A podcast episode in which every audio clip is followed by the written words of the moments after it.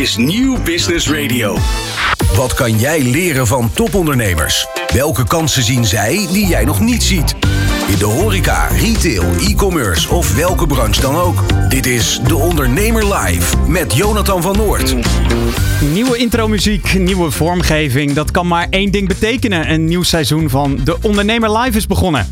Is er dan helemaal niets hetzelfde gebleven? Nou, zeker wel. Mijn naam is Jonathan van Noord en tot het einde van het jaar ben ik jouw gastheer op de vertrouwde dinsdag tussen 11 en 1.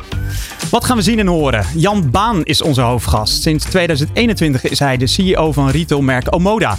Met hem gaan we in gesprek over werken in een familiebedrijf, leiding geven op jonge leeftijd en natuurlijk ook de toekomst van de winkelstraat.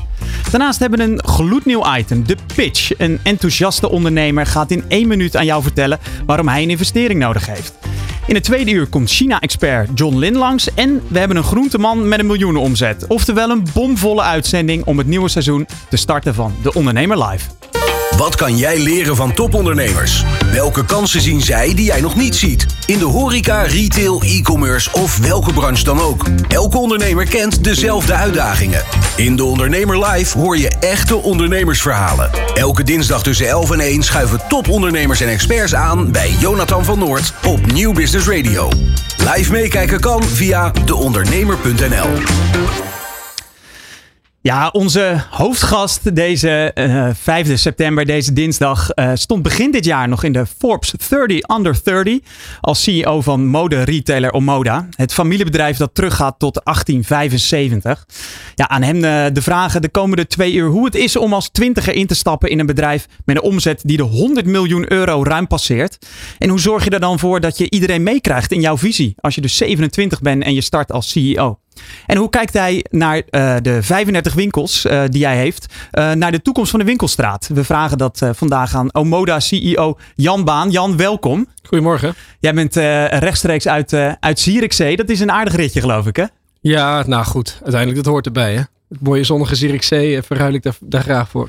Ja, en nu, uh, nu hier uh, in, in, uh, in Hilversum. volgens mij mag ik jou ook feliciteren met een zesjarig jubileum. klopt dat? Dat klopt. Dat zag ik ook op LinkedIn een paar dagen geleden. ja, daar moest je jezelf aan, aan attenderen? Het is heel snel gegaan. Ik kan me niet voorstellen dat het zes jaar heeft geduurd. Maar um, ja, die tijd is voorbij gevlogen. En uh, trakteer jij dan een, uh, een Zeeuwse bolus uh, op kantoor? Nee, daar zijn we veel te nuchter voor. Want heel even om de, om de situatie te schetsen. Omoda, Zeeuws bedrijf, stamt ja. terug uit 1875, familiebedrijf. Um, jij bent daar later inge, ingestapt. Maar je bent geen Zeeuw, hè? Leg eens even uit. Ik, ik durf te geloven dat ik een half Zeeuw ben. Uh, dus mijn vader is een Zeeuw en ik zelf um, uh, en mijn moeder niet. Ik ben niet in Zeeland geboren overigens. Maar ik heb daar wel een, uh, een gedeelte van mijn jeugd doorgebracht. Ik heb daar mijn vrouw ontmoet. Met wie ik overigens samen, samen met mijn zwager ook dit familiebedrijf in ben gestapt. Um, en ik woon daar nu een kleine zeven jaar. Met heel veel plezier. Ja, en dat is, dat is volgens mij lekker rustig. Dicht bij de zaak. Fantastisch, dicht bij het strand. Ja. Zeker met deze laatste waarschijnlijk zonnige zomerweek een, een, een, een, hele goede plek om te zitten. En uiteindelijk ook nog best wel centraal, moet ik zeggen. En merken jullie dat dan ook in de verkoop, dat de zwembroeken hard gaan? Nou, ik zou je zeggen, de laatste dagen zien we wel gelijk dat de, de zomerartikelen toch nog wel wat vraag opleveren. Zeker met de huidige warme weken. Um, om voor de kijker en luisteraar uh, een, een, beeld te schetsen. We gaan er straks uh, uh, natuurlijk veel langer op door. Ik zei het net al, ruim 100 miljoen omzet, 35 winkels. Waar staat Omoda in het retaillandschap? Om die vraag goed te kunnen beantwoorden, denk ik goed om heel even een kleine snapshot terug te doen. Lange historie. Ooit gestart als schoenenmaker in 1875. Toen we onze schoenen langsbrachten bij de verschillende boerderijen. Uh, toen de stap gezet naar een, schoenenwinkel uh, in Zierikzee door de, door de derde generatie. De vierde generatie, mijn schoonvader en zijn broer, hebben vervolgens de grote stap in het diepe gemaakt en, uh, en naar online gegaan. Um, en waar we in al die 140, 150 op gefocust hebben, is een hele inspirerende ervaring voor de klanten. waar staan wij dan? Nou, wij focussen ons met name op het leveren van een stukje inspiratie, een stukje persoonlijke shopbeleving naar die klanten toe. dat, dat hebben we in het begin zo geleerd in de winkels en dat proberen we nu heel erg uit te dragen online. Um, dat doen we in kleding, in schoenen, tassen, accessoires. En dan een, min of meer in het midden tot hoog segment als je dat uh, zou willen afkaderen. En tot slot, vo uh, voordat we naar het volgende blokje gaan, is er nog een soort Omoda eikpersoon, de Omoda klant? De Omoda-klant is de modieuze vrouw, of ook man, die bereid is toch wel wat extra voor zijn of haar kleding of schoenen te betalen. Daar is geen leeftijd op te plakken, want dat gaat tegenwoordig dwars door alle leeftijden heen. maar vooral iemand die ervan houdt om zeg maar, met een goed gevoel en een goed uitziende deur uit te stappen. Dat is degene waarvoor wij elke dag ons best doen. En zit hij hier nu tegenover me? Is dit allemaal Omoda wat je aan hebt? Ja, dat is allemaal Omoda, zeker weten. Kijk, living the brand. We gaan straks door met Jan Baan, CEO van Omoda. Je luistert naar De Ondernemer Live. Elke dinsdag live van 11 tot 1 op Nieuw Business Radio. Maar eerst naar het nieuws. Afgelo de afgelopen maand hadden nog bijna 230.000 ondernemers een betalingsregeling voor een openstaande coronaschuld. Het merendeel houdt zich aan de termijnen, maar zeker 43.000 ondernemers hebben nog niets betaald en komen zodoende in de problemen. Reden genoeg voor gerechtsdeurwaardersorganisatie Flanderijn om een onderzoek te starten. Zij kwamen erachter dat bijna 1 op de 3 bedrijven bang is dat een van hun klanten failliet zullen gaan. Doordat deze bedrijven nu echt de moeten terugbetalen. Aangeschoven is Sarah Mooi, directeur Customer Relations bij Flanderijn. Mevrouw Mooi, welkom. Ja, dankjewel. Je, je kan gewoon Sarah zeggen. Ja, Sarah, dan, uh, dan tutoieer ik, uh, dan tutoieer ik uh, graag. Ja, ik vond dat toch wel een, een schokkend bericht. 43.000 ondernemers hebben nog niets betaald aan de, aan de fiscus. Kijkt u daar net zo van op als ik? Um, nou, niet helemaal om eerlijk te zijn, want uh, je focust je natuurlijk bij die 43.000 op de groep die niet betaalt. En dat is, uh, dat, is, een fors aantal, dat zeker. Alleen als je kijkt naar uh, het aantal mensen wat wel en het aantal ondernemers wat wel terugbetaalt, dan is het in perspectief te zien. Dus um, gelet op de verwachtingen die we ervan hadden, dan is dit aantal wel um, representatief uh, wat dat aan gaat. Het is 43.000 te veel. Maar we moeten niet naïef zijn met z'n allen dat we verwacht hadden dat uh, 100% netjes uh, zijn betalingsachterstanden zou, zou terugbetalen. Nee, maar voor mij als ja, gelukkig leek op het gebied van schulden, vond ik 1 op 6 die, die nog werkelijk niets betaald heeft. Ik vond, ik vond dat toch wel een schrikbarend hoog aantal, om het, als je het zo ja, ziet. Dat zeker, want als je het, uh, en daar maken we ons ook zorgen om. En die financial uh, professional of die finance professionals ook. Want als je het doorvertaalt van wat zou eventueel de verdere uitwerking kunnen zijn. Kijk, je moet je voorstellen dat op het moment dat de Belastingdienst de betalingsachterstanden gaat, gaat terug eisen. En op dat punt zijn we gekomen, want er is al diverse keren uitstel verleend. Mm -hmm. en op een gegeven moment kan je de pijn niet langer voor je uitschuiven. En moet je ook die laatste groep die nog niet aan zijn betaalverplichting heeft voldaan, aanspreken om dat toch te doen. En je ziet dat een groot deel daarvan helemaal niet reageert op brieven of beschikkingen die uh, opgemaakt zijn. Um, en het lijkt erop dat die ook niet voornemens zijn om terug te betalen. Want het, het, het, ook de Belastingdienst werkt samen met verschillende initiatieven, zoals bijvoorbeeld Geldfit, de Nederlandse mm -hmm. schuldhulproute.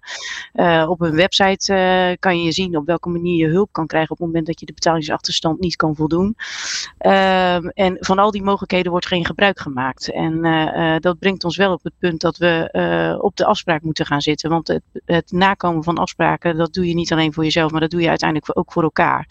Het niet nakomen van betaalafspraken heeft grote gevolgen als we dat met z'n allen massaal los gaan laten.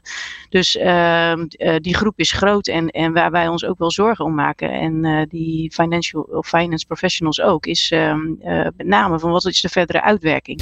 Ja, want als ik heel erg mag inbreken, jullie hebben ja. onderzoek gedaan hè? Onder finance professionals. Wat, wat, wat, ja. wat zijn dat überhaupt, finance professionals, en wat zijn de belangrijkste uitkomsten?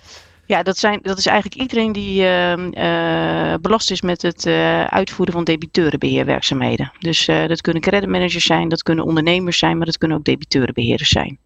Dus een zeer een, een gemengde groep, zeg maar. Ja, en, en geloof ik meer dan duizend gesproken. Wat, wat, wat, wat, wat zeggen zij?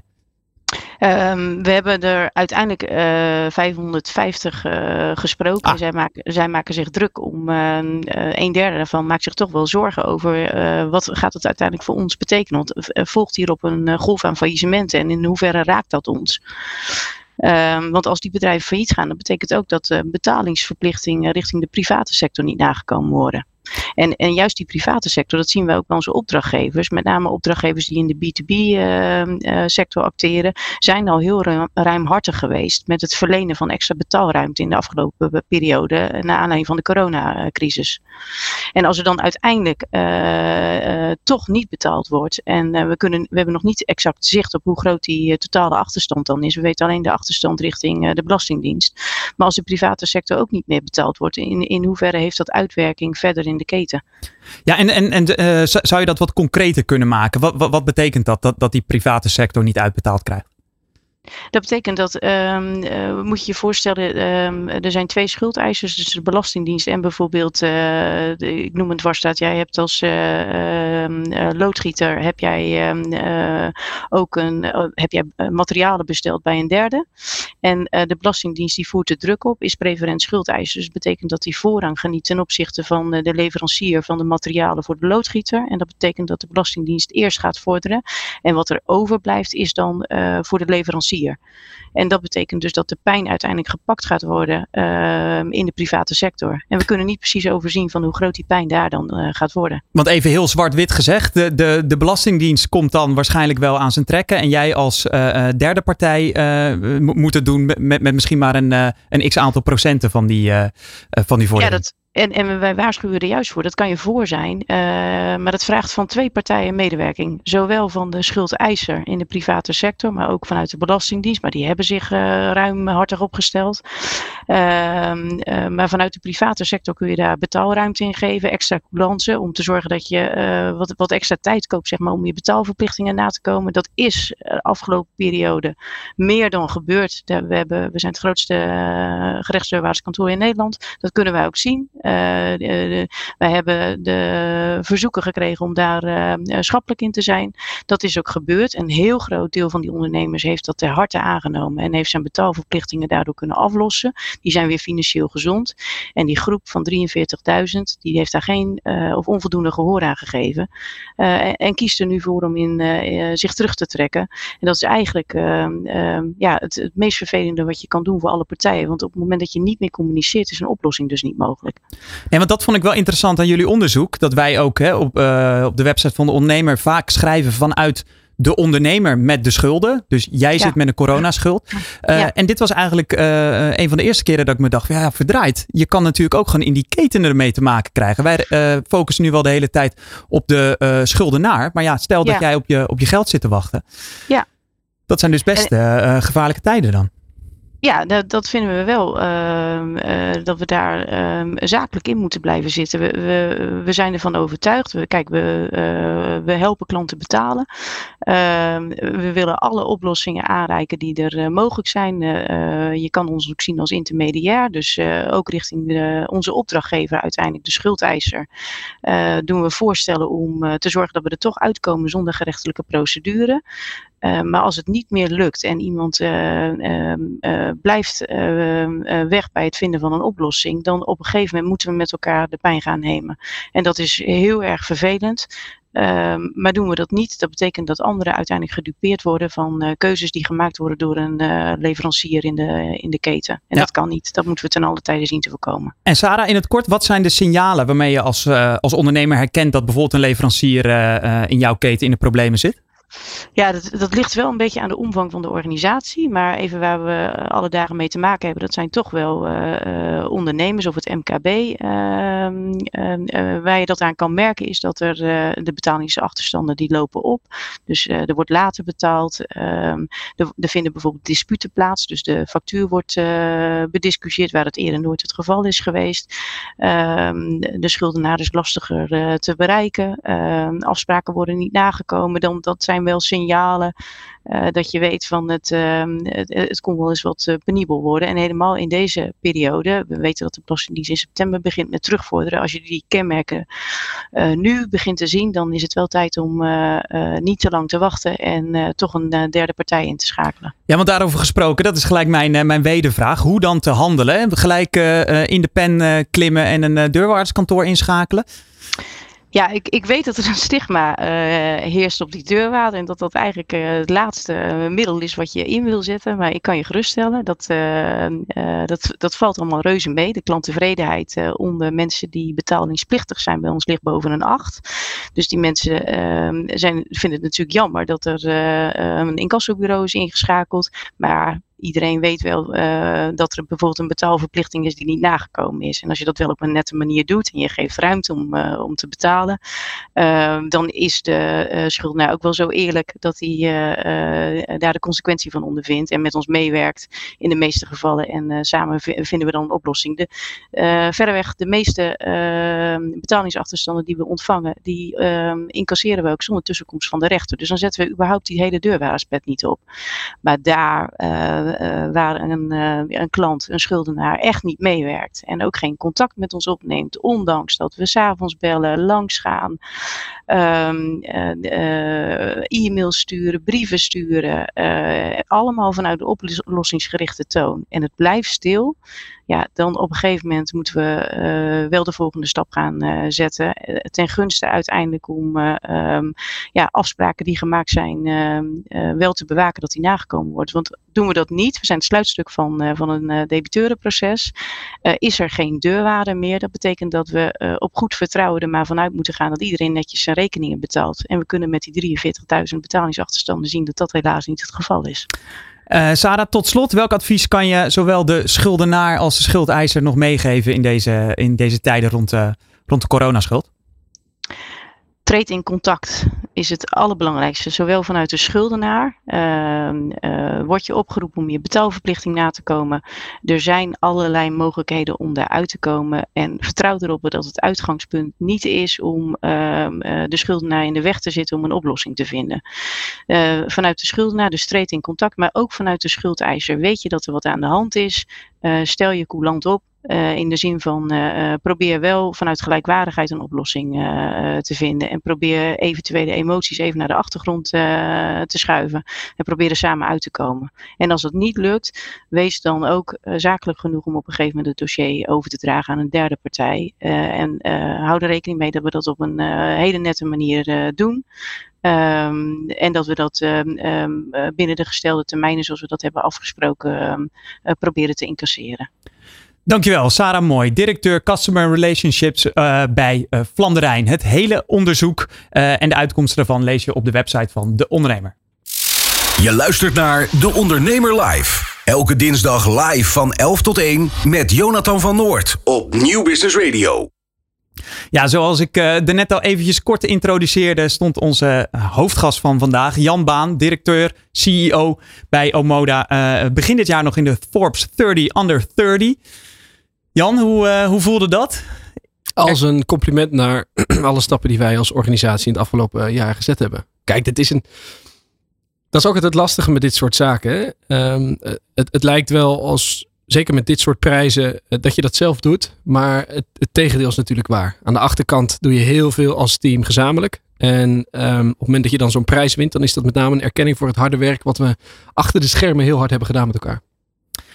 Uh, ik wil even met je, met je focussen op een, uh, op een nieuwsbericht te lezen op uh, deondernemer.nl. Daar gaan we straks ook dieper op in. Maar het aantal winkels dat kleding verkoopt daalde met 10% tussen januari 2020 en afgelopen augustus. Vooral schoenenwinkels en verkooppunten van dames- en kinderkleding hebben het moeilijk. Dus die afgelopen coronaperiode is gewoon verdraaid lastig geweest voor, voor kledingwinkels. Wat is jouw eerste reactie? Nou, ik denk ook wel begrijpelijk. Uh, als je kijkt wat er de afgelopen jaren in de markt is gebeurd, is het natuurlijk best wel heel erg heftig. Um, rond 2020, 2021 met corona was er uh, sprake van een grote shift naar de, naar de online kant. Want we hebben het hier natuurlijk over offline winkels. Grote shift naar de online kant. En dat heeft heel veel kleinere offline retailers de das omgedaan.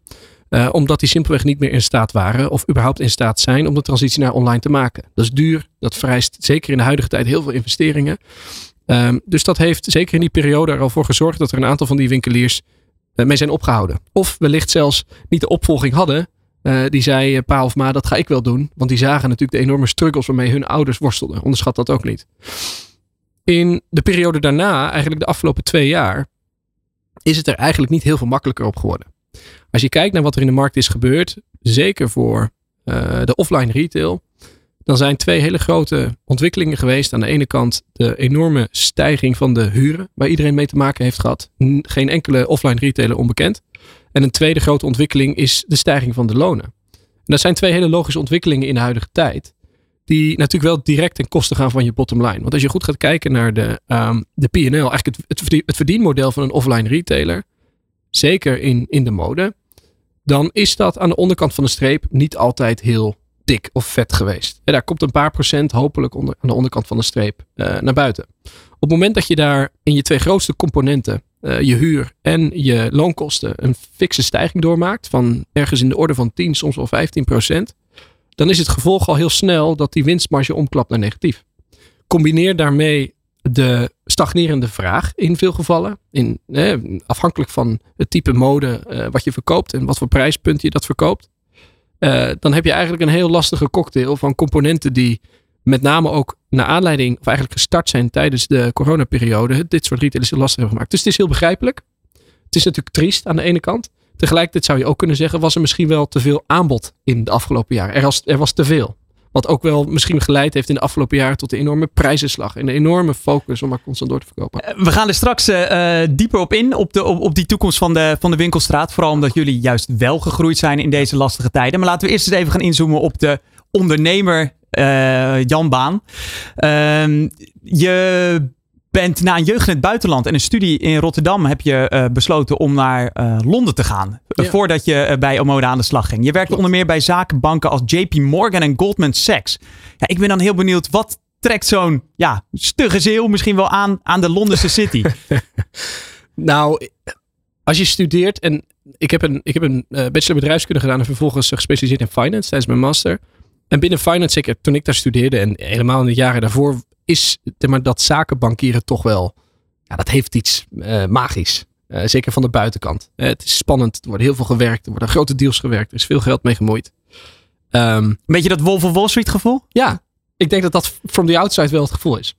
En, en daarbij is het een ongelooflijk leerzame periode om daar te hebben gewerkt. Of dat nou in de vorm van een stage is, wat in mijn geval twee keer het geval is geweest, of, of in de vorm van een fulltime job, waar mensen soms één of twee of drie jaar zitten.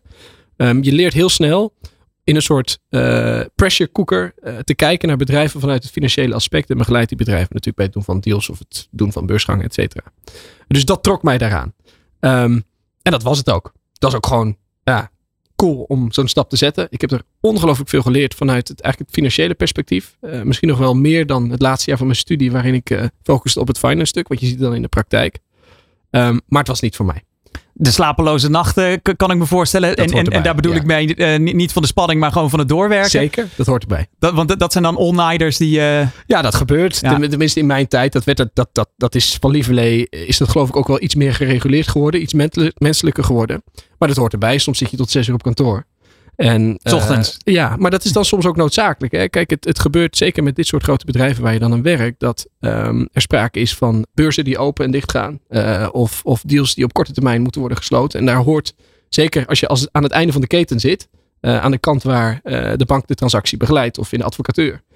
moet je nog wel eens tot laat of vroeg in de ochtend werken. Ja. Eh, vervolgens bloot je, eh, besloot je toch bij Omoda te gaan werken. Het bedrijf van de familie van jouw vrouw eh, Marlinde. Die ken je al sinds je vijftiende. Ja. Hoe, ehm, hoe ging dat? Ne- Neem eens mee naar, naar dat moment. Nou kijk, ik heb nu, ik geloof 12, 13 jaar lang een relatie inmiddels al met mijn vrouw. Ehm, eh, dus ik heb dat bedrijf vanaf 2010 echt wel zien opgroeien, zien ontwikkelen. En eh, vanuit mijn achtergrond altijd wel heel geïnteresseerd geweest in het bedrijf. Eh, zeker als je zo jong in een familie komt, voel je ook eigenlijk al een beetje een soort kind van die familie. In plaats van buitenstaander of koude kant, zoals er soms wel eens gezegd wordt. Ehm, dus ik heb dat bedrijf zien opgroeien. Mijn vrouw heeft een hele creatieve achtergrond. Ze heeft industrieontwerpen gestudeerd in Delft. Eh, ik wat meer de financiële kant. Dus dat was toch wel een soort ja, logische stap. in ieder geval voor mijn vrouw om die stap te zetten. Het Omoda is een heel creatief bedrijf. Vanuit Maar, origineel. maar je zegt een logische stap voor mijn vrouw om jou toe te laten. van- vanuit, voor mijn vrouw gezien om die stap te zetten. oh, zo, ja. Maar voor mij was het een beetje van ja, wat, wat moet die gozer komen doen hier? Ja. En, eh, ik kan me voorstellen helemaal voor mijn schoonvader, mijn schoonmoeder en zijn broer die daar toen stonden. Ehm, dus wat wij toen hebben gedaan in die periode, want wij waren als, als eh, mijn vrouw en ik best wel geïnteresseerd om die stap te zetten naar dit bedrijf. Eh, we hebben eigenlijk meerdere keer gesprekken ook gehad met, eh, met mijn schoonfamilie. Uiteindelijk besloten om toch maar het te proberen. Ik als rechterhand van mijn schoonvader en zijn broer, die toen bij de CEO van het bedrijf waren. En mijn vrouw meer als creatief verantwoordelijk in richting winkels en, en, en eigen merken die richting. Ehm, het was eigenlijk denk ik ook een beetje een rok in die tijd. We hadden gewoon zin om iets nieuws te doen, voet in de klei, bij een bedrijf wat we goed kenden. Maar heb je nooit het gevoel gehad van shit, dadelijk klapt dit? Ik, ik, Tuurlijk. Ik heb, heb er misschien helemaal geen talent voor, wel voor die Londense City, maar niet voor een, een retailer in, in Zeeland. Hoe, hoe ga ik daar met mijn relatie mee om? nou, ik heb nooit getwijfeld over mijn relatie. Dat als eerste. Dat doe ik overigens nog steeds niet. Um, maar meer van ja, het zou ook wel, het zou ook wel kunnen dat het, dat het niet zo leuk is dat we van de buitenkant denken. Maar goed, je bent 24. Wat kan er misgaan? Dus dat is zo nuchter moet je er ook wel naar kijken. En um, in 2021 ben je uiteindelijk uh, CEO geworden. Hm. Dan heb je denk ik moeten inkopen om mede-eigenaar te worden? Nou, die twee stonden los van elkaar. We zijn wel, dus ik ben samen met mijn vrouw en mijn zwager inmiddels inderdaad ook onderdeel van de volgende generatie als mede-eigenaar. Um, uh, vervolgens in begin 2021 uh, eh, de rol op mij gepakt als CEO en daarmee dus aansturing ook van het managementteam. Was ook heel erg het gevolg van de ontwikkeling die we doormaakten als bedrijf en de stappen die we zetten, verdere verbreding. Um, en daarmee een soort specialisering van de verschillende taken die wij ook als familie in dit bedrijf hebben. Maar uh, nog even uh, focus op dat inkopen, skin in the game noemen ze dat dan. Uh, kan je het beste ondernemen als je zelf ook tussen aanhalingstekens pijn leidt? Natuurlijk. Ja? Ja. als, er geen, als er geen risico is, dan wordt het heel snel gokken met iemand anders een portemonnee. Ik denk dat het heel belangrijk is dat als je staat voor je zaak, dat je er ook staat als het minder goed gaat. En, Was het een vereiste van de familie ook? Uh, niet zozeer, niet op die manier. Maar ik denk uh, dat het grotendeels ook een, een, een, uh, een wens van ons was. Skin in the game. Voelt goed hè, want je doet dat dan. Je doet het niet alleen voor anderen, maar ook voor jezelf. En daarmee voel je ook de verantwoordelijkheid nog veel nadrukkelijker. En ik denk zeker in een familiebedrijf dat dat ongelooflijk belangrijk is. Al helemaal een familiebedrijf met zo'n enorme heritage. vijfde generatie zijn wij. We doen dat nog samen met de vierde generatie. Uh, dat wil je, ja, daar ben je trots op, maar daar ben je ook ergens voorzichtig op. Want het is iets wat je kan verkwanselen. Mijn, mijn schoonouders en uh, de broer van mijn schoonvader heeft, hebben ongelooflijk veel tijd uh, in de afgelopen jaren gestopt in het opbouwen van dit bedrijf. Van iets van één winkel naar een fantastische zaak die online ook heel sterk staat. En dat moet je toch op een bepaalde manier zorgvuldig behandelen. En daar hoort dus ook dat stukje verantwoordelijkheid bij. Uh, die je des te meer voelt als je er vervolgens ook nadeel aan zou ondervinden als het minder goed gaat. Ik ben er toch ook wel benieuwd hoe dat dan gaat, eh, eh, dat moment dat je dus zegt, ja, ik ga ervoor. Dan ben ik vooral benieuwd, heb je dan met mensen overlegd? En bijvoorbeeld ook met jouw opa. Want dat is uh, Jan Baan, naamgenoot. Uh, en nog een keer tagde in een LinkedIn-post, zag ik vanmorgen. Mea culpa. en de, dat is de bekende ondernemer achter Baan Software. Ja. Dus ook jij komt uit een ondernemersfamilie. Ja. Spar je dan bijvoorbeeld met hem daarover? Um, nou ja, daar heb je het wel eens over, vanzelfsprekend. Uh, want dat zijn ook heel veel raakvlakken die je daarmee met elkaar hebt. Uh, de daadwerkelijke ins en outs, dat is natuurlijk iets wat je meer als familie bij elkaar houdt. Hè? Want uiteindelijk zijn wij gewoon een heel ander bedrijf, een heel ander familiebedrijf. Uh, dan bij mijn opa of mijn, mijn eigen familie het geval is. Maar daar spar je wel over. En, en daar krijg je soms advies over. En, en, en soms werkt het ook om, om te kunnen ventileren met iemand. Dat, dat doen wij binnen onze eigen familie. Maar dat, werkt, dat is soms ook wel eens waardevol om dat daar buiten te doen. En welk advies heeft hij jou bijvoorbeeld gegeven? Dat als je iets doet, je het vooral heel goed moet doen. En, Hij is een open deur. Ja, maar toch niet helemaal. Want uh, de strategie als familiebedrijf is ook heel vaak om stapje voor stapje voor stapje dat te zetten en heel weinig risico te durven nemen. Je consolideren. Ja, dat is heel makkelijk hè, want de lange termijn is ongelooflijk belangrijk. Uh, en het tweede hele belangrijke is, zeker in de rol die ik nu heb, dat um, uh, het succesvol, um, of het eigenlijk goed uitvoeren van die job vooral afhankelijk is van een beperkt aantal keuzes die wel heel erg doorslaggevend zijn. Zoals? Dus, um, het, het, uh, op dagelijkse basis zijn natuurlijk heel veel keuzes die ik ook in mijn rol moet maken. Maar uiteindelijk zijn er misschien op een week maar vijf hele grote keuzes, of misschien nog wel minder, die echt de doorslag geven. Welke richting gaan we op? Gaan we echt een bepaalde investering doen? Misschien wel richting kleding of iets anders? Gaan we uh, samen als familie wel of niet een winkel openen in een bepaalde stad? Eigenlijk een beetje cut the crap en gewoon vijf ja. dingen daarop focussen. Ja, dus pas op dat je in die rol niet alle kleine uh, dingetjes gebruikt om je helemaal druk te houden. Terwijl het eigenlijk alleen maar een paar punten zijn waar je echt het verschil kunt maken. En dan ben ik toch benieuwd, want ik ben, ik ben helemaal geen CEO, maar wel iemand die toch gaat zitten micromanagen. Ja, hoe, hoe, ik misschien af en toe ook wel. Ja, maar uh, hoe, hoe, heb jij dat bijvoorbeeld opgelost om... Uh... Nou, weet je wat mijn voordeel is? Ik ben 30 jaar en uh, nu zes jaar ervaring in dit bedrijf. En dat is relatief tot de professionals waarmee wij werken, die ook in ons managementteam zitten, in veel gevallen een stuk minder. Dus ik heb niet alle wijsheid in pacht. En het voordeel eigenlijk van die constructie, in tegenstelling tot het zijn van een CEO van 65 met ongelooflijk veel ervaring, is dat je afhankelijk bent van mensen waar je mee samenwerkt. En het directe gevolg daarvan is dat je um, ook afhankelijk bent van de kennis en input van die mensen. Het mooie daarvan is dat je dus niet altijd zelf de beslissingen kunt nemen, maar dat eigenlijk moet doen door je heel goed te laten informeren en als het ware gezamenlijk uh, uh, die beslissingen neemt. In dezelfde tijd, hè, we hebben het een beetje over 2021, ja. startte ook de transitie uh, van Omoda als echt een schoenenbedrijf naar mode-retail. Mm -hmm. Jullie, ja, uh, eigenlijk jouw hele look kan je op omoda.nl. Kan je nog steeds te koop. precies, precies. Um, was dat jouw idee? Um, nou, nee. Ik denk dat. Kijk, mode. Schoenen is ook mode. Dat als eerste. Ja, dus wij waren eigenlijk al actief in de mode. We verkochten ook tassen, we verkochten accessoires. We waren heel veel bezig met het afstijlen van uh, onze modellen die onze schoenen droegen. Dus ging in veel gevallen al veel verder dan alleen het product schoenen. Uh, natuurlijk speelt dat wel in je achterhoofd altijd mee. Maar de uiteindelijke stap maken vergt natuurlijk best wat um, uh, denkwerk, wat investeringen, wat risico. En uiteindelijk moet iemand daar wel de kar voor gaan trekken. Of in ieder geval komen tot de daadwerkelijke uitvoering. Uh, het was niet mijn idee om dat in die manier uit te voeren. Ik denk wel dat ik een groot onderdeel ben geweest in de daadwerkelijke uitvoering daarvan. In de daadwerkelijke executie zou je kunnen zeggen. Wat is de hand van Jan Baan daarin dan? Uh, nou, de, kijk, als, als eindverantwoordelijke het managen van het proces om dit uh, succesvol op de kaart te zetten. En ik heb er ook wel, en dat doen we nog steeds, heel erg voor gepleit om als we die stap zetten, dat ook wel echt op een onderscheidende manier te kunnen doen. Dus niet alleen maar vanuit de gedachte, we kopen kleding in en we verkopen dat. Uh, want zo'n handelaar zijn we niet. Maar veel meer de focus op hoe kunnen wij als uh, fashion retailer onze klant op een andere manier inspireren dan de relatief platte manier waarop kleding en schoenen tegenwoordig online worden verkocht. Namelijk de focus veel meer op de totale outfit, de totale look. En het gevoel te creëren dat jij als klant online, als je bij ons stopt, bijna zo goed geholpen kunt worden en geïnspireerd kunt worden. Als in een fysieke als winkel. in een fysieke winkel. Ja, Want ja, daar ja, komen wij vandaan. Ja.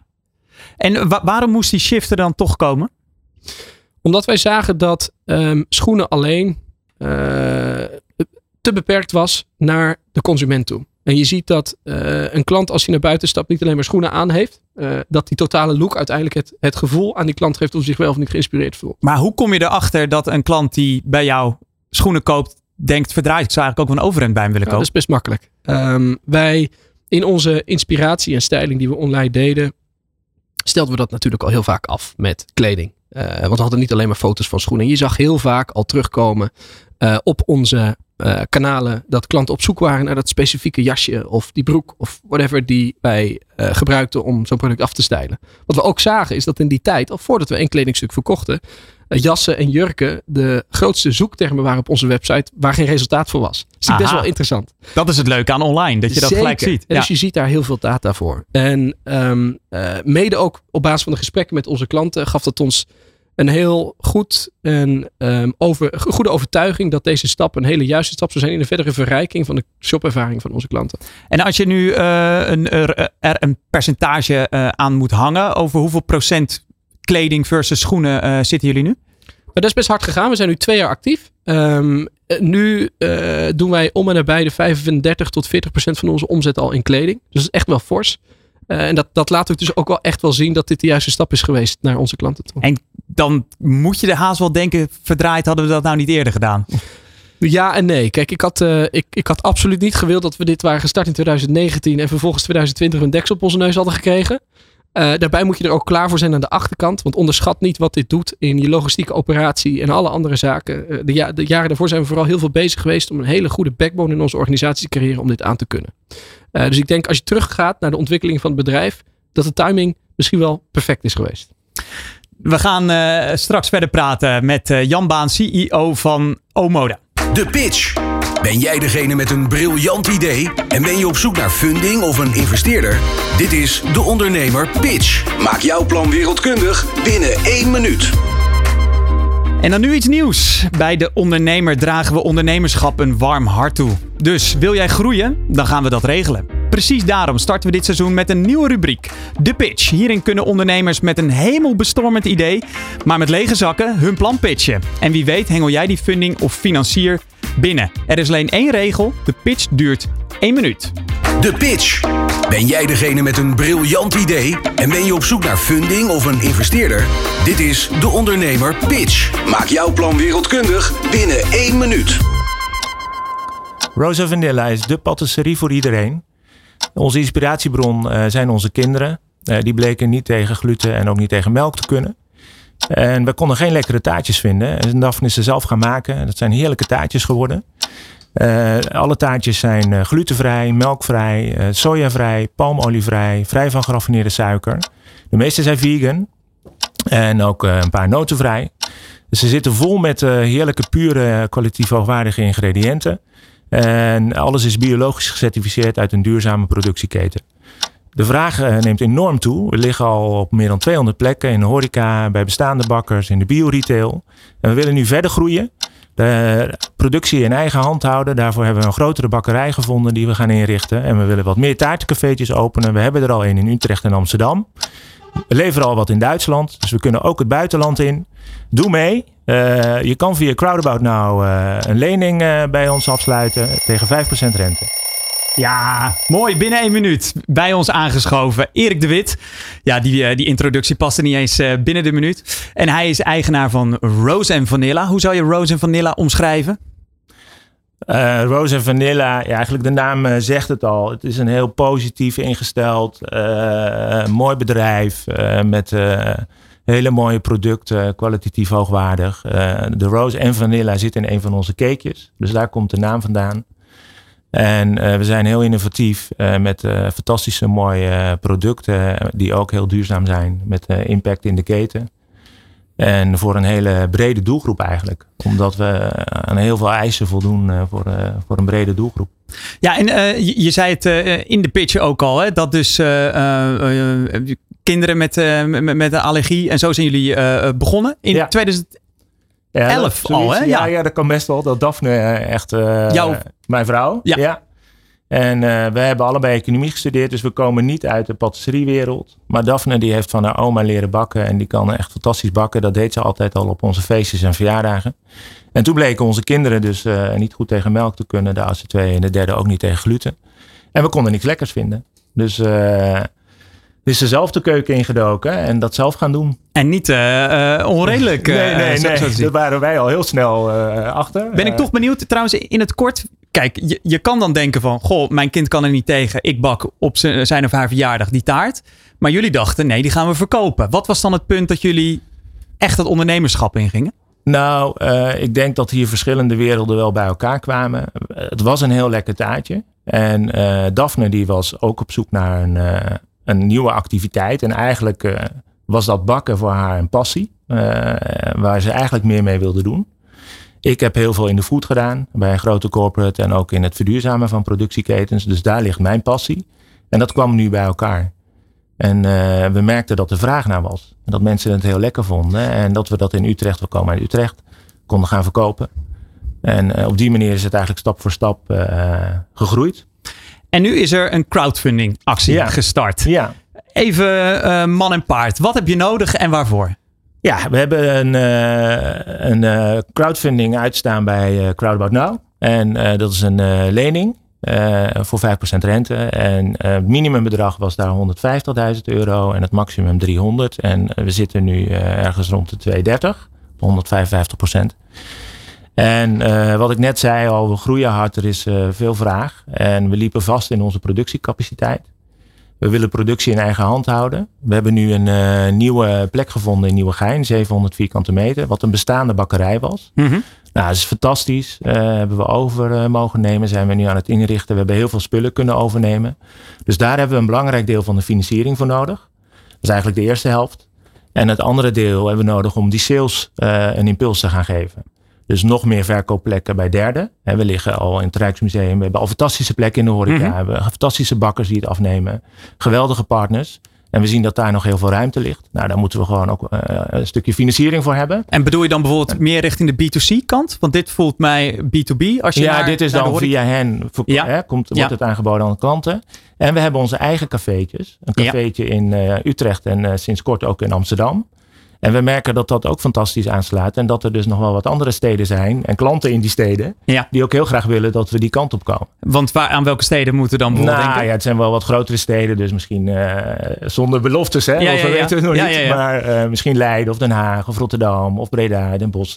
Dus we zijn een beetje aan het rondkijken en het moet allemaal passen en uh, goede plekken zijn. Dus dan uh, even samenvattend voor de, de, bakkerij. Nou ja, die is denk ik al bijna ingevuld, want je zit al. ja, dus daar zijn we ook naartoe al verhuisd. Dus dat is al en dat is geweldig. Dus daar kunnen we echt opschalen. Dus dat is fantastisch. En efficiëntie realiseren. dus dat is de key voor ons natuurlijk. Wij hebben ook te maken met moeilijke periodes waar kosten stijgen. Dus doordat wij nu groter kunnen gaan uh, of produceren, kunnen we daar ook een efficiëntie realiseren. En dan uh, leuk om nog één of twee uh, of drie taartencafeetjes te openen. Dan wel op andere plekken, naar Duitsland, België. Dus we zien ook, we doen al iets in Duitsland. We hebben al een geweldige horecapartner daar. Dus we zien dat er ook in het buitenland kansen liggen voor ons. En uh, je hebt ook wat meegenomen. Maak Zeker, vooral ook even uh, gebruik omdat, uh, ja. van de tijd. Het is immers kijkradio. Ja. Waar hebben we het nou precies over? Nou ja, dit is eigenlijk de beste pitch hè. Dat proeven. Dus dat zou je eigenlijk moeten doen. Maar dan mogen jullie straks. Ja, dat gaan we zeker doen. We hebben een Til er eentje uit, dan kunnen we het even, dan kunnen we het even bekijken. Wat is jouw favoriet bijvoorbeeld? Nou, die, die ligt toevallig aan deze kant, dus dat ga ik meteen doen. Dit is onze chocoladetaartje. Ja. Uh, met een fantastisch verhaal. Uh, een vegan taartje. Met ook dus alle andere kwaliteitskenmerken. Glutenvrij, melkvrij enzovoort. En de chocola komt uit Ecuador. Prachtige kwaliteit cacaobonen. En hij wordt, die chocola, ook in Ecuador geproduceerd. Dus dat is vrij uniek in de wereld. Want de meeste chocola wordt in België en Nederland geproduceerd. En wij hebben een fabriekje in Ecuador die alleen maar mooie, pure chocola maakt. Die kopen wij in. Nou, die mensen zijn super lieve, leuke mensen, zitten boven en samenwerking met de boeren daar. En maken een geweldig product. Wordt er heel veel liefde en passie in gestopt. Ja, dan vind ik, dan moeten wij gewoon een heel lekker taartje van maken. En eh, waar dat mensen van kunnen genieten. Bepalen, Erik. Maar die ligt dus ook in het Rijksmuseum en op hele leuke plekken in Nederland. En uh, ja, dat vind ik dus fantastisch. Dus het, ziet er, het ziet er ook schitterend uit. Dat is uh, het, het oog wel ook wat. Ja. Als nu uh, ondernemers uh, luisteren of consumenten en die denken, nou, die Erik heeft me wel overtuigd met zijn Rose en Vanilla. Ja. Hoe kunnen ze jou bereiken en hoe kunnen ze investeren? Nou, op, op, onze website staat gewoon nog mijn telefoonnummer en e-mail, dus dat mag altijd. En ook via Crowdabout Now uh, kunnen ze dus de investering doen. Dus dat hebben we aan hen uitbesteed. En daar vinden ze onze, ons verhaal. En als ze vragen hebben, mogen ze altijd bellen of mailen. En dan ben ik wel benieuwd, want ik hoorde net mijn woonplaats voorbij komen, Rotterdam. Oh. Per wanneer zou ik dan mogelijkerwijs met alle mitsen en maren daar een, uh, een heerlijk taartje uit een café uh, van jullie ja, kunnen, dat, kunnen dat durf ik helaas nog niet te zeggen, Jonathan. Ik weet ook niet of het Rotterdam echt wordt. Maar in Rotterdam hebben we bijvoorbeeld Koekela. Ja. Daar liggen we met onze taartjes, ook chocoladetaartjes. Dus daar hebben we al een aantal hele leuke partners waar we aan uh, verkopen. Maar mogelijk dus uh, uh, binnen de Randstad ja. een nieuwe, nieuwe item. Ja. Dankjewel Erik van Rose en Vanilla. Ben je nou enthousiast en wil je ook je eigen idee hier pitchen bij de Ondernemer Live? zoek dan even op de Ondernemer Pitch en dan vind je alle ins en outs waar je aan moet voldoen en hoe je ons kan bereiken. Je luistert naar De Ondernemer Live. Elke dinsdag live van 11 tot 1 met Jonathan van Noord op Nieuw Business Radio. Wat een smaakvol item. Ik, uh, ik krijg er gewoon helemaal, uh, helemaal trek van. Maar ik moet nog even wachten tot na het, uh, na tweede uur. leuk dat je nog steeds kijkt en luistert naar De Ondernemer Live. We praten met Jan Baan, CEO van Omoda, over leiderschap, ondernemen in een familiebedrijf en ook over de toekomst van de winkelstraat. ja, Daarover uh, gaan we het straks uh, meer hebben. Maar ik wilde nog, nog heel even met je terugblikken op waar we mee eindigden. Hè? Jullie mm -hmm. shift van schoenen naar eigenlijk alles over, over mode. Wat zijn jullie doelstellingen eigenlijk voor pakweg de komende twee jaar? Je had het over het succes van de afgelopen twee jaar.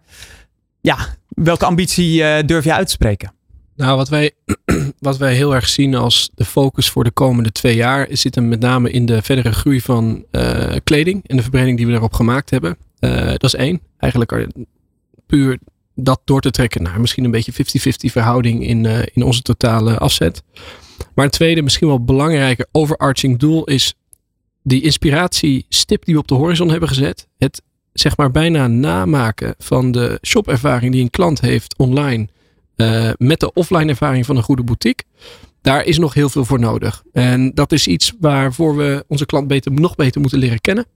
Nog beter erachter willen komen wat zijn of haar stijl is. Zodat we misschien wel straks, als jij op onze website komt, tegen jou kunnen zeggen: joh, Jonathan, op basis van wat jij historisch bij ons geshopt hebt, op wat je in het afgelopen uur bij ons hebt aangeklikt.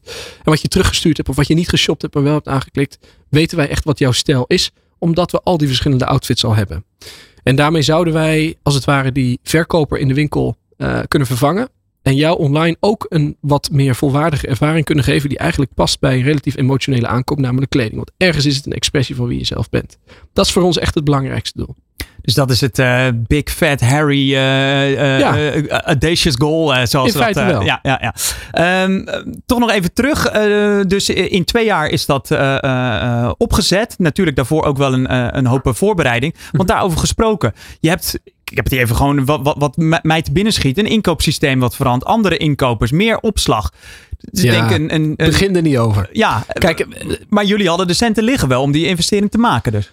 Nou kijk, we zijn een familiebedrijf en, en we zijn daarin ook zeg maar volledig family-owned. Uh, altijd bankair gefinancierd ook geweest. Um, en dat bouw je op door uh, in de jaren daarvoor wel uh, voor zover mogelijk een gezond bedrijf te draaien.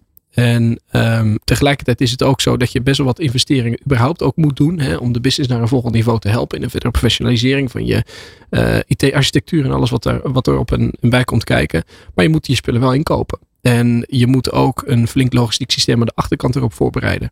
Dus er zijn investeringen voor nodig die we uh, grotendeels ook in samenwerking met, uh, met onze bank hebben kunnen doen.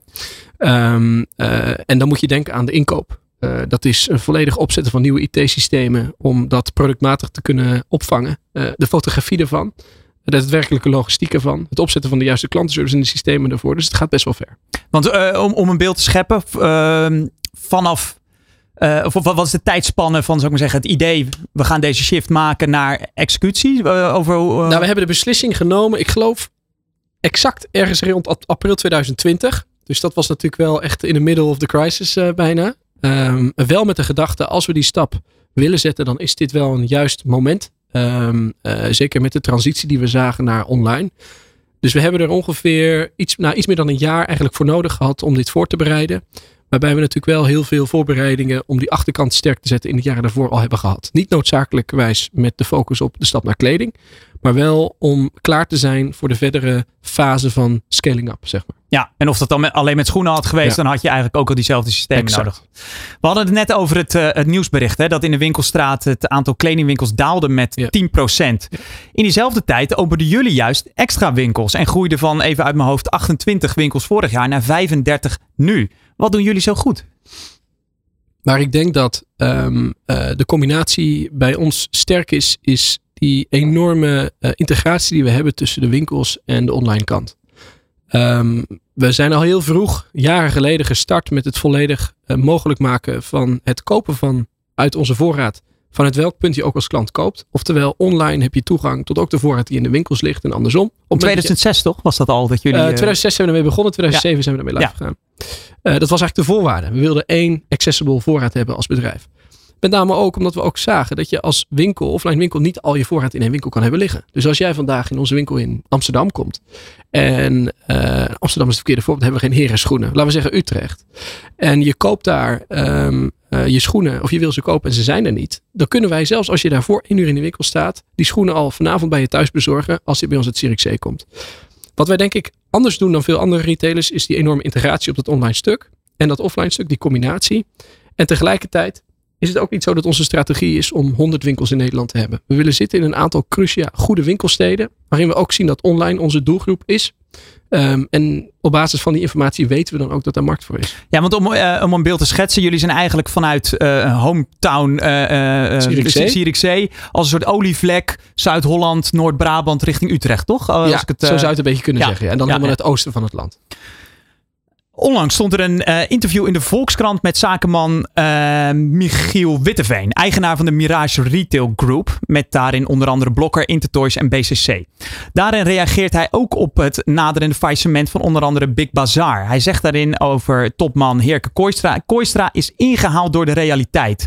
Bovendien deed Kooistra niets online en wij wel dat heeft mij wel aan het denken gezet. En uh, eigenlijk zeg jij hetzelfde. Uh, uh, kan je tegenwoordig alleen nog maar overleven met, met zo'n hybride model, zoals jullie dat hebben, van een winkel en een webshop? Hoe bedoel je dat? Nou, binnen de retail. Um, ik denk dat je. Nou, aan de ene kant nee, want er zijn best wel wat hele sterke online spelers op deze markt aanwezig. Nou zie je wel dat die online-only spelers in veel gevallen heel erg groot zijn. Ongelooflijk veel schaal hebben. En vooral een, strategie hebben van alles aan te bieden voor iedereen. eh, in alle prijsranges en voor alle segmenten. Ehm, ik denk als je wat meer een niche opzoekt. En dat is ook wat wij als Omoda doen. Wat meer voor die specifieke klant die we net bespraken. Die op zoek is naar wat meer inspiratie. Ook wat meer persoonlijk geholpen wil En worden de iets luxere merken misschien? luxere Ja. merken. Dat het, ehm, maar dat is ook niches op andere punten. Mhm. Maar op het moment dat je die niche opzoekt, dat je dat veel beter kunt overbrengen op het moment dat je dat zowel fysiek als online kan doen. Het is online best wel lastig om de echte ziel van je propositie goed over te brengen aan de klanten. Of je moet daar heel erg voor gaan schreeuwen middels allerlei marketing. En, maar dan nog blijft het iets digitaals. De menselijke factor zit daar niet in. Op het moment dat jij in een van onze winkels komt, dan voel je al heel snel hoe wij als bedrijf werken. En dan voel je al heel snel hoe we jou als klant zien en waar we jou als klant mee willen helpen. Door die twee goed te kunnen combineren, eh, zorg je ervoor dat je de juiste ervaring of de juiste visie die je hebt aan je klanten kunt overbrengen. En tegelijkertijd ben je ook daar waar je klanten soms willen zijn, namelijk online.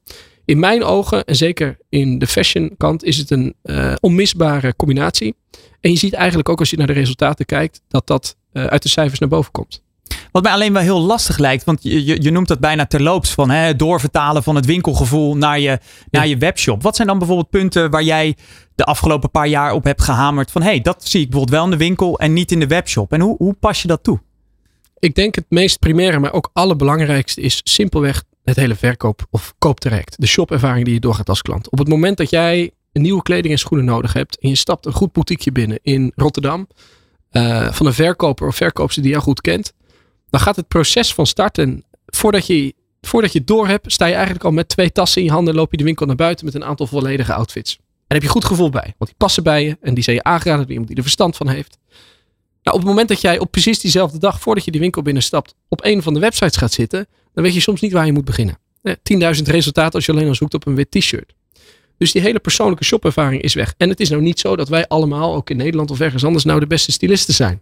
Laten we daar ook even eerlijk over wezen. En soms is het ook zo dat we gewoon eens een beetje inspiratie missen. Net zoals dat sommigen op allerhande kijken voor de avondmaaltijd eh, eh, die ze willen hebben. Nou, wat wij willen doen en wat wij proberen, is precies dat stukje wat dus online mist. Dat menselijke stukje, dat inspirationele stukje, dat proberen we online terug te brengen. Wat is een van de belangrijke stappen die we daarin hebben gedaan?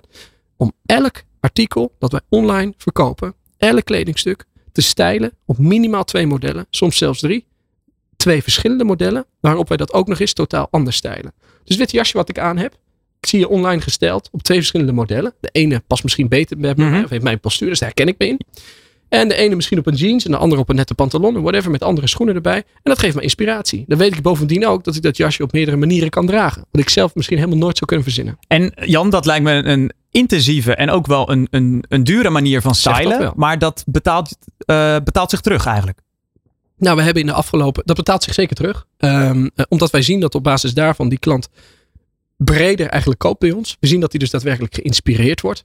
Eh, dat pro- promoten we nog verder door zelfs een filmpje te maken van elk model. Dus je ziet het als het ware in levend lijven, als ware je in de winkel staat. Eh, maar dat is een ingewikkelde. ehm, dat is een ingewikkelde propositie om dat te realiseren. Dus daarvoor hebben wij in de afgelopen jaren intern een hele mooie oplossing ontwikkeld. Om op basis van kunstmatige intelligentie dat ehm, zelf volledig autonoom te kunnen bewerken. Al die foto's die we maken. Eh, we kunnen het heel slim stijlen door de IT-architectuur die we daarvoor hebben gebouwd. Maar je moet er best wel veel voor doen om dat eh, te kunnen realiseren. Ja, dat klopt.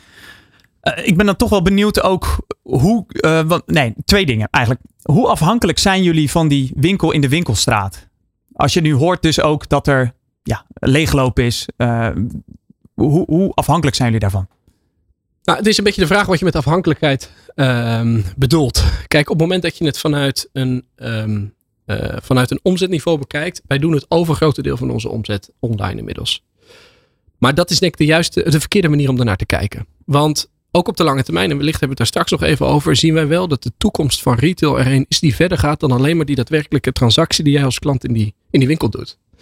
Nou, wat wij heel veel zeggen tegen al onze filiaalmanagers en onze assistent filiaalmanagers, is dat de verkoop in de winkel primair tegenwoordig als eerste gaat om die klant een goede ervaring te geven. Of Je koopt nou bij de vent en niet bij de tent. Ja, maar Ja. of die iets koopt of niet zelfs. Want het is veel belangrijker dat jij als klant met een goed gevoel die winkel uitstapt. Zelfs als je niks hebt gekocht. Omdat uiteindelijk je daarmee geïnspireerd bent over de betreffende retailer. Over datgene wat hij of zij verkoopt, et cetera. En we zien daarom dat de relevantie van de winkel misschien nog wel belangrijker is geworden dan dat die een paar jaar geleden was. Toen er een enorme hoax was naar de groei van online en dat gaat oneindig door. En in, over een paar jaar bestaan er helemaal geen winkels meer. Wat we nu zien is dat dat nou wel allemaal iets genuanceerder is. De rol van de winkel is heel belangrijk. Ja, hij is misschien niet meer in elk stadje en in elk dorpje. Hè? Dus er, zijn wat minder, groot, wat minder winkelcentra over in Nederland. Maar uh, de winkelcentra waar die zitten, daar wordt hij nog wel heel erg gebruikt om inspiratie te geven aan die klanten die relevant zijn. Dat klinkt bijna dan als een soort fysiek Instagram-account. Uh, ja, zo zou je het misschien wel kunnen zeggen. Ja, en nou zijn we daar ook nog niet. Hè, dus ik wil niet doorgaan, niet zo ver gaan om te zeggen, daar wordt straks niks meer verkocht in die winkel. Ik denk wel dat tegenwoordig de balans tussen inspiratie en verkoop veel gebalanceerder is dan een paar jaar geleden. En ik denk ook dat dat voor de toekomst veel relevanter gaat worden. En je bent nooit bang dat iemand bij jou schoenen komt passen, even googelt in hoeverre die ergens anders goedkoper zijn en dan uiteindelijk een uh, online sales maakt? Uh, bang is een groot woord. Ik denk dat we er niet aan ontkomen dat het wel eens gebeurt. Je ziet wel eens klanten met een telefoon door de winkel heen lopen. Uh, maar als we kijken naar onze klant, dan is de, de, de, kern van die klantengroep zit hem in. Ik wil geïnspireerd worden. Ik heb een goed gevoel bij die retailer. Ik weet dat die collectie die die retailer verkoopt bij mij past. Want dat is ook een hele belangrijke van onze propositie. Uh, dus daarom koop ik daar. Er is altijd een groep omheen die zegt: Ik ben niet puur voor de prijs. Nou, als je puur voor de prijs komt kopen, dan wordt het bij ons vaak wat ingewikkelder. Want we zijn geen discounters. En um, daar gaan wij zeker nooit het diepste. Omdat wij vinden dat het vooral relevant is wat je het aanbiedt en hoe je het aanbiedt. Straks praten, uh, praten we verder met Jan Baan over onder andere e-commerce en retail. En gaan we uh, verder daarop in met John Lin, onze China-expert, want hij heeft lessen uit het Verre Oosten. Dat en meer straks bij De Ondernemer Live. Elke dinsdag een andere inspirerende ondernemer te gast tijdens De Ondernemer Live. Van 11 tot 1 live op Nieuw Business Radio.